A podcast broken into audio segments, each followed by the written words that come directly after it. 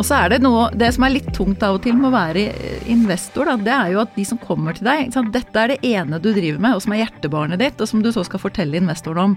Mens investoren på vår side, vi får jo veldig mange hver dag som vil inn og snakke med oss. Så det å forstå at det er ikke vond vilje som gjør at vi ikke kan sette av de to timene til å høre på deg,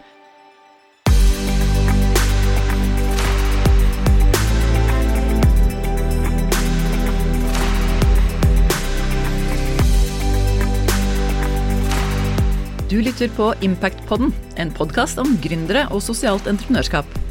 Podkasten presenteres av Ferd sosiale entreprenører, og jeg er Katinka Greve Leiner. Da er det min glede å ønske velkommen til Impactpoddens tiende og siste episode i denne sesongen.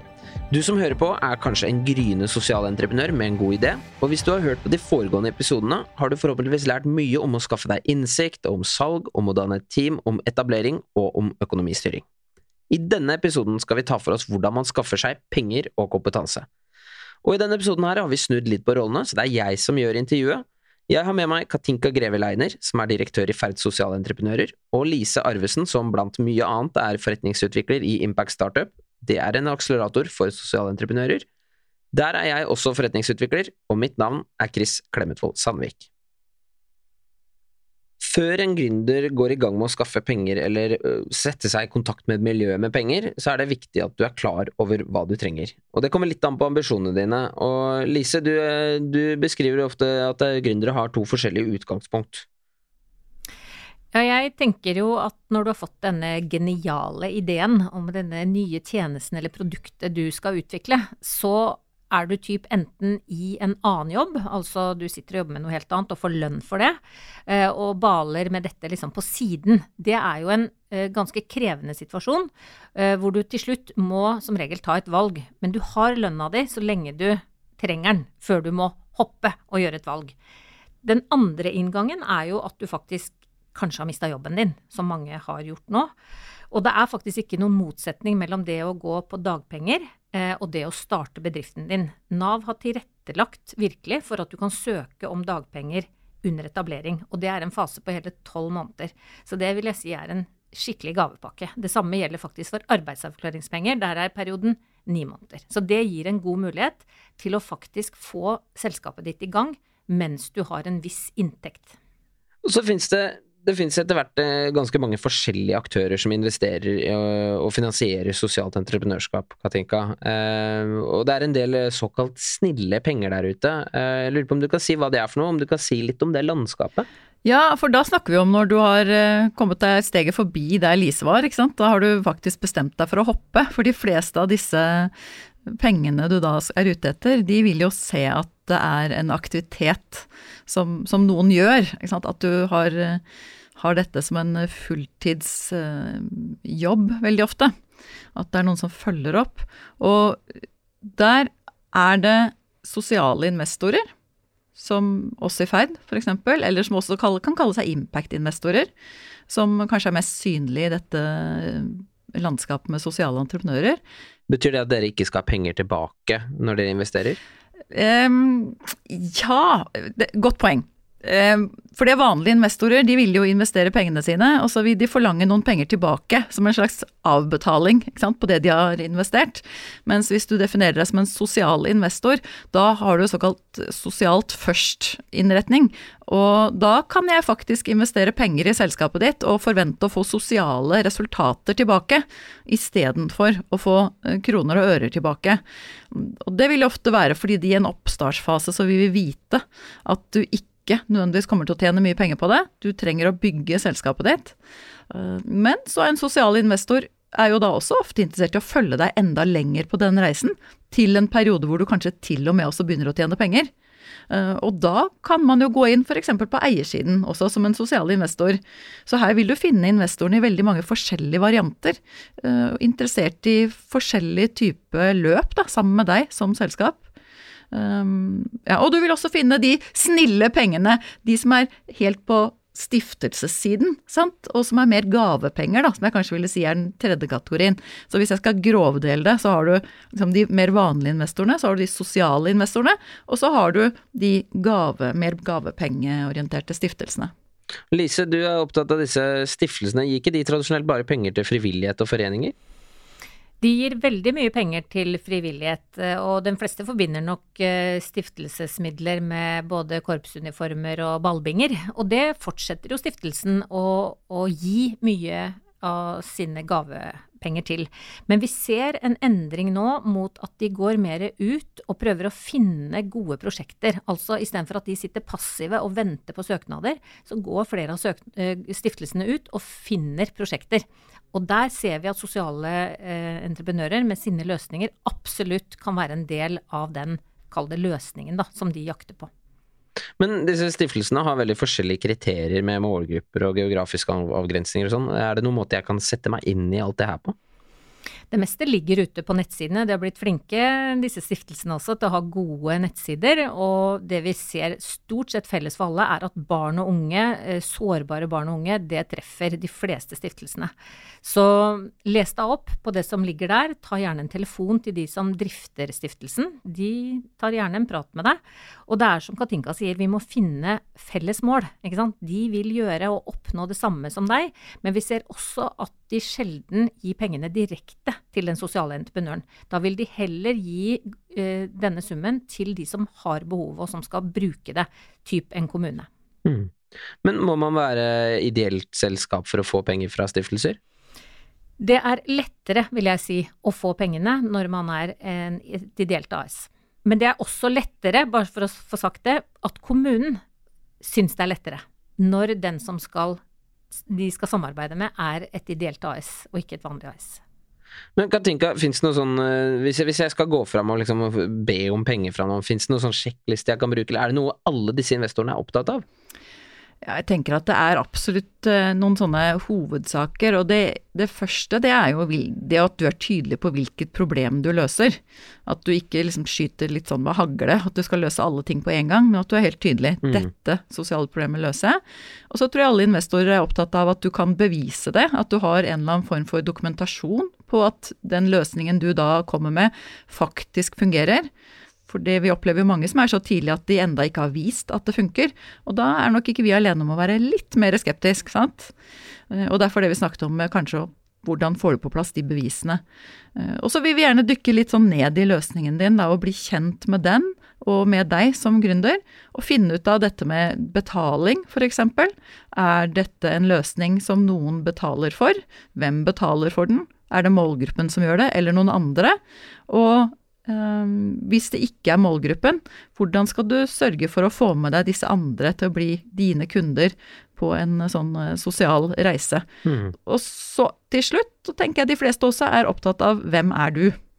Så hvilken kompetanse har du for, som kan bevise at dette skal du få til? Um, og har du med deg et team? Hvordan ser denne reisen ut de neste årene? Ja, det, Vil dere være med å bestemme over sosialentreprenørene som dere investerer i? Vi er vel veldig opptatt av at de har lyst til å ha en dialog med oss. Så vi ville aldri tatt inn noen som sier at gi meg en million, og så løper jeg av gårde, og så kommer jeg tilbake og snakker med dere om et år. Mm. Vi vil en, være med på laget, vi vil være en del av teamet. Vi eh, vil være veldig ærlige med deg som gründer og si at der har du svakheter, der, der har du styrker. Forvente at du er ærlig tilbake, og at vi sammen finner ut av hva selskapet trenger for å bli sterkere.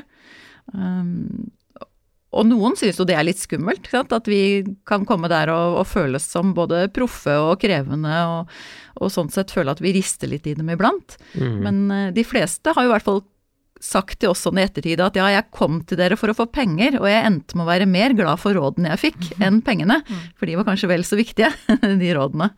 Så, så vi vil jo være en, eh, forhåpentligvis, god hjelper hele veien. Lise, når man skal ta kontakt med investorer første gang, så snakker man om dette ordet pitch. Det er et fremmedord for de fleste. Hva er en pitch? En pitch er jo at du i løpet av 30 sekunder kan forklare problemet du har spotta, og din løsning som du mener virker. Og at det overbeviser på en sånn måte at uh, det, etter de 30 sekundene så får du lov uh, å møtes til et lengre møte. Eksempel. Når er det jeg skal bruke den pitchen? Nei, den tenker Når som helst! Ja, den, den, må du på en måte trene opp, sånn at du kan forklare det veldig fort til folk du bare plutselig møter. Det er jo ikke sånn at alt dette handler om å ringe og, og, pitche inn. Det er en veldig sånn rar, konstruert situasjon. Men plutselig så møter du noen. Nå møter vi jo ingen, men når vi kan møte folk igjen, så tenker jeg at plutselig så sitter du og tar en kaffe et sted, og så skjønner du at den personen som sitter her, jobber med det du har lyst til å få til. Ikke sant? Og da ha evnen til å forklare det kort og på en sånn måte at det skaper interesse, vil jeg si det er en god pitch. Mm. Og så må jeg som da eh, sosial investor få si at jeg blir overrasket over hvor mange som tør å komme til oss, og som ikke har den pitchen. Og som ikke kan fortelle meg i løpet av ett minutt eller mm. to minutter. Sånn at jeg skjønner hva de driver med. Er det fordi de stiller ikke, uforberedt, eller? Nei, det tror jeg ikke. Jeg tror de har tenkt hundre ganger på dette. Men det gjøres så komplisert, den fortellingen om hva det er. Ja. Uh, og jeg er jo ikke liksom, Jeg ønsker jo å bli solgt inn på dette på kort tid. Du må kjapt kunne forklare meg hva dette dreier seg om. Mm. Det er det mange som må gå hjem og øve seg på foran speilet, tenker jeg altså. Ja, jeg tenker i hele tatt å øve seg på å være kortfatta, tror jeg. Eh, de fleste har godt av. Fordi vi ser også at mange går ut veldig tidlig og ber om lange møter, ikke sant, og sier at du trenger en time. Det oppfattes av mange som veldig lang tid. Eh, mm. Jeg har, eh, råder alle mine til å si har du tid til syv minutter? Ikke sant? Hvis det 30 sekunder virker litt sånn overveldende, fordi de fleste hakker ganske godt i språket da, så når du skal si så mye, liksom, på 30 sekunder. Men det å be om nå en digital kaffe, Eh, syv minutter, har du tid til det? Og de fleste har jo det. Og det å liksom preppe inn til den, trene seg på det, og vi sier jo tren på det. Spill inn videoen, liksom. Ta opp det du sier på din egen mobil, og se og hør deg sjøl, sånn at du bruker de syv minuttene godt, og ikke trener deg i det møtet. Og det er igjen det der med trening, Chris, som vi har snakka om før. Vi nordmenn er litt sånn vet ikke jeg, vi tror liksom det går bra, da. Bare vi har fått den der avtalen, så bare hopper vi i det, liksom. Tren. Alt bør trenes på. Og så er det noe Det som er litt tungt av og til med å være investor, da, det er jo at de som kommer til deg Dette er det ene du driver med, og som er hjertebarnet ditt, og som du så skal fortelle investoren om. Mens investoren på vår side, vi får jo veldig mange hver dag som vil inn og snakke med oss. Mm. Så det å forstå at det er ikke vond vilje som gjør at vi ikke kan sette av de to timene til å høre på deg, mm. men det er det at da er det veldig få som når inn til oss. Så vi har jo nå, når vi møter selskap som vi plukker ut, ut fra mailhenvendelser og den type ting, så får man et kvarter til å overbevise, og kanskje ti minutter på oppfølgende spørsmål. Og ut fra det så må vi faktisk da bestemme oss for hvem vi går videre med. Ja. Det er ganske brutalt, også for oss, altså. Men så har jo, har jo altså de som kommer til dere og kommer inn i porteføljen til Ferd, de har kommet ganske langt, Katinka. Men Lise, du jobber i Impact Startup med de som har kommet kortere. Eh, hvordan jobber man med å skaffe de finansiering, de som er helt i startgropa?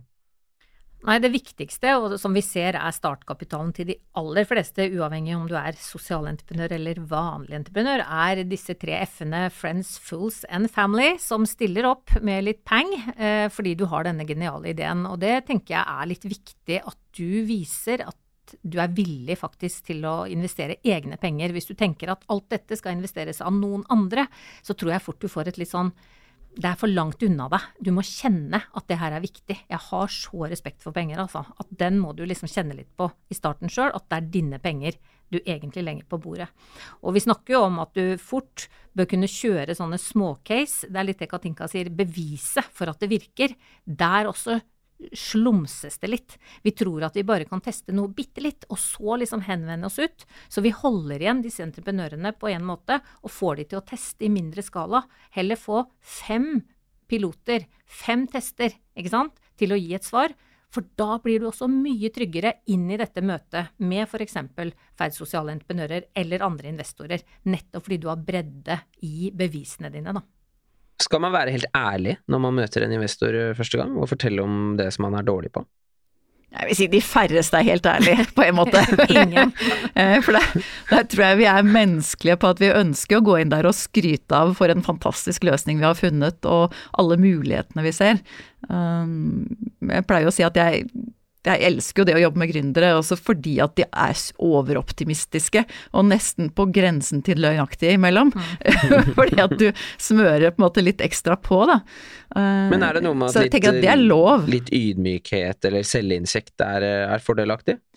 Jeg tror du får høyere troverdighet hvis du midt oppi litt sånn glansbilde, da, det du skal selge inn, hvis du samtidig klarer å trekke fram noe, enten du har, om du har hatt en dårlig erfaring på noe, eller at du har vært gjennom et eller annet eh, som også viser at du har en, kall det sårbarhet, eller har vært gjennom noe læring, da. Mm. Det tror jeg er pluss. Da tror jeg vi går til eh, oppsummering av denne episoden. Eh, og da har vi notert oss at det er veldig viktig å tenke gjennom hvilken situasjon du er i, og hvor mye du egentlig trenger så bør du orientere deg godt i det ganske brede landskapet av forskjellige typer finansiører, og lage en pitch som treffer akkurat den ordningen du søker om penger fra, i hjertet. Det var det vi hadde for i dag, og det her var siste episode av denne sesongen av Impactpoden.